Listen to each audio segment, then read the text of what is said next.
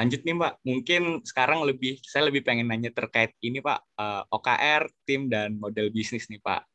Nah, banyak nih Pak kan uh, seperti yang kita udah tahu tadi ada perusahaan Google, ada juga perusahaan Amazon, ada perusahaan Intel juga, Intel juga yang udah uh, ngepake metode OKR OKR ini dan udah kebukti gitu dengan mereka menjadi salah satu perusahaan terbesar yang ada di dunia sekarang.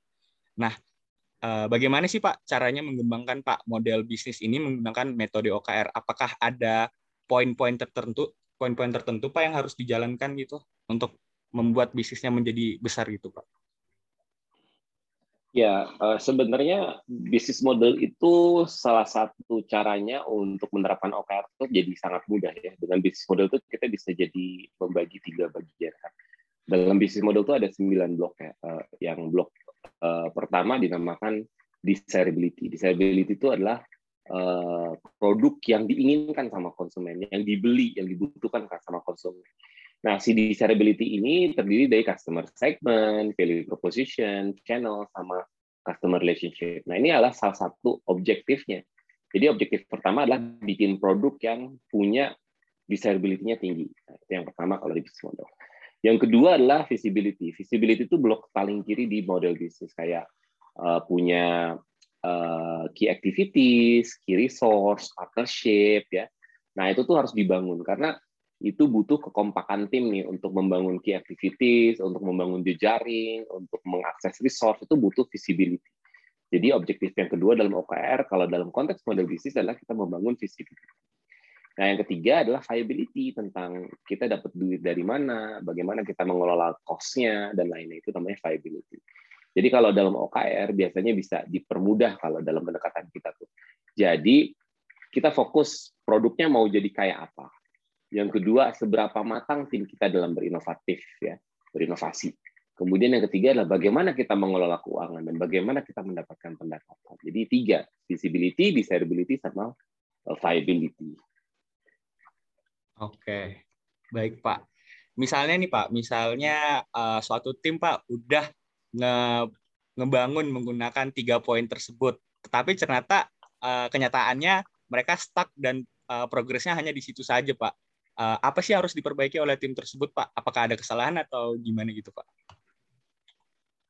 Sorry, mohon maaf, diulang lagi. Oke, jadi Pak, misalnya nih Pak, pada kenyataannya uh, tim yang tim yang sedang menggunakan metode OKRS ini Pak sudah menerapkan tiga poin tersebut tadi Pak. Tapi ternyata hmm. pas uh, dia melaksanakannya ternyata uh, model bisnisnya tuh stuck aja Pak, stuck atau misalnya dia hanya uh, progresnya di situ-situ saja Pak. Menurut Bapak di situ uh, apa sih yang yeah. harus diperbaiki? Apakah uh, metodenya atau misalnya dari timnya gitu Pak? Ya artinya biasanya kalau yang paling sering terjadi itu pola komunikasinya nggak jalan. Jadi biasanya itu daily meetingnya tuh nggak fokus, berani, transparan, clarity. Biasanya weekly meetingnya juga nggak jalan dengan uh, komunikasi efektif.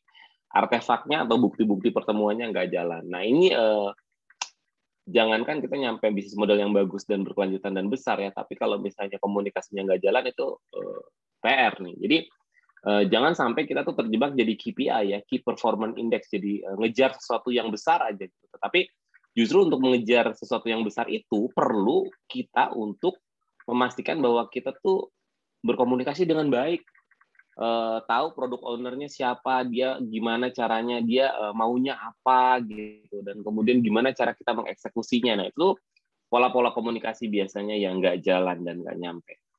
Itu biasanya yang menghambat uh, OKR-nya nggak terja terjalan, uh, terjalankan dengan baik. Oleh karena itu, kalau pakai OKR itu jangan terjebak sama tools-nya, tapi justru sama uh, artefak dan juga proses yang sama ritual-ritualnya gitu ya meeting-meeting efektif meeting-meeting keterbukaan nyusun strateginya itu yang harus berjalan Iya, berarti yang menjadi kunci penting adalah untuk menjaga komunikasinya adalah uh, satu sama lain uh, feedbacknya ya Pak.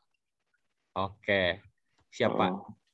Oke, tadi Pak dari tiga aspek tadi itu Pak, uh, gimana ya Pak supaya uh, memberikan dampak yang adaptif dan dapat menyimbangkan nih Pak tiga aspek tadi itu ke model bisnis yang sedang diurus gitu Pak. Ya. Sorry sorry, saya skip lagi tadi. Oke Pak. Jadi uh, tadi kan ada tiga aspek gitu ya Pak. Nah, gimana nih Pak Hmm. cara menyimbangkan tiga aspek ini supaya memberikan dampak yang adaptif ke model bisnis yang sedang diurus nih Pak?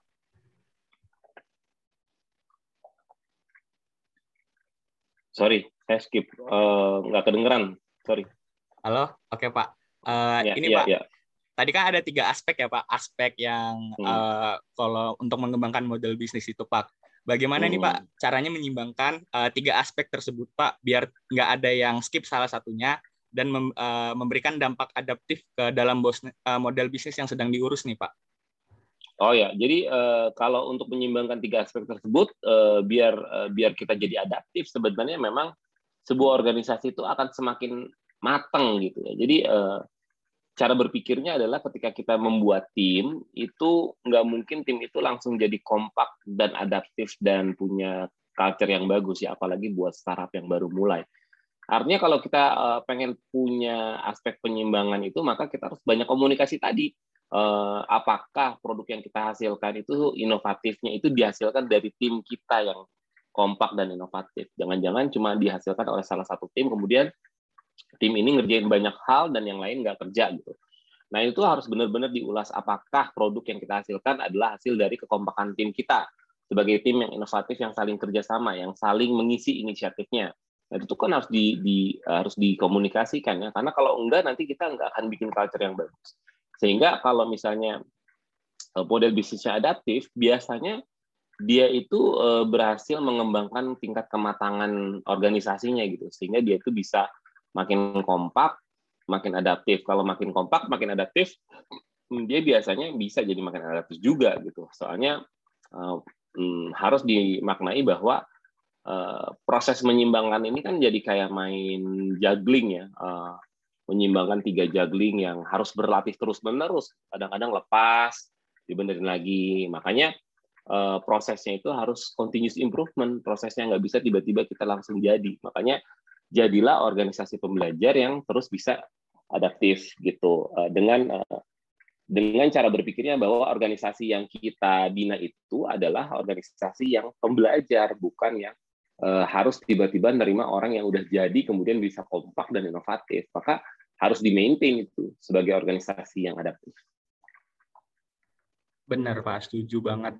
Bahkan Hmm. mungkin kalau misalnya kita kumpulin nih Pak, ibaratnya kayak pemain ada pemain bola, terus pemain bintang-bintangnya gitu Pak yang menjadi pemainnya. Itu tuh belum tentu kan Pak eh, apa ya sinerginya atau misalnya komunikasinya itu baik. Mending kita mulai dulu prosesnya dari gimana nih cara kita ngebentuk supaya eh, orang-orang SDM yang ada di tim itu bisa berkembang gitu. Nanti ketika berkembang kita tinggal ngejalani prosesnya aja. Oke. Thank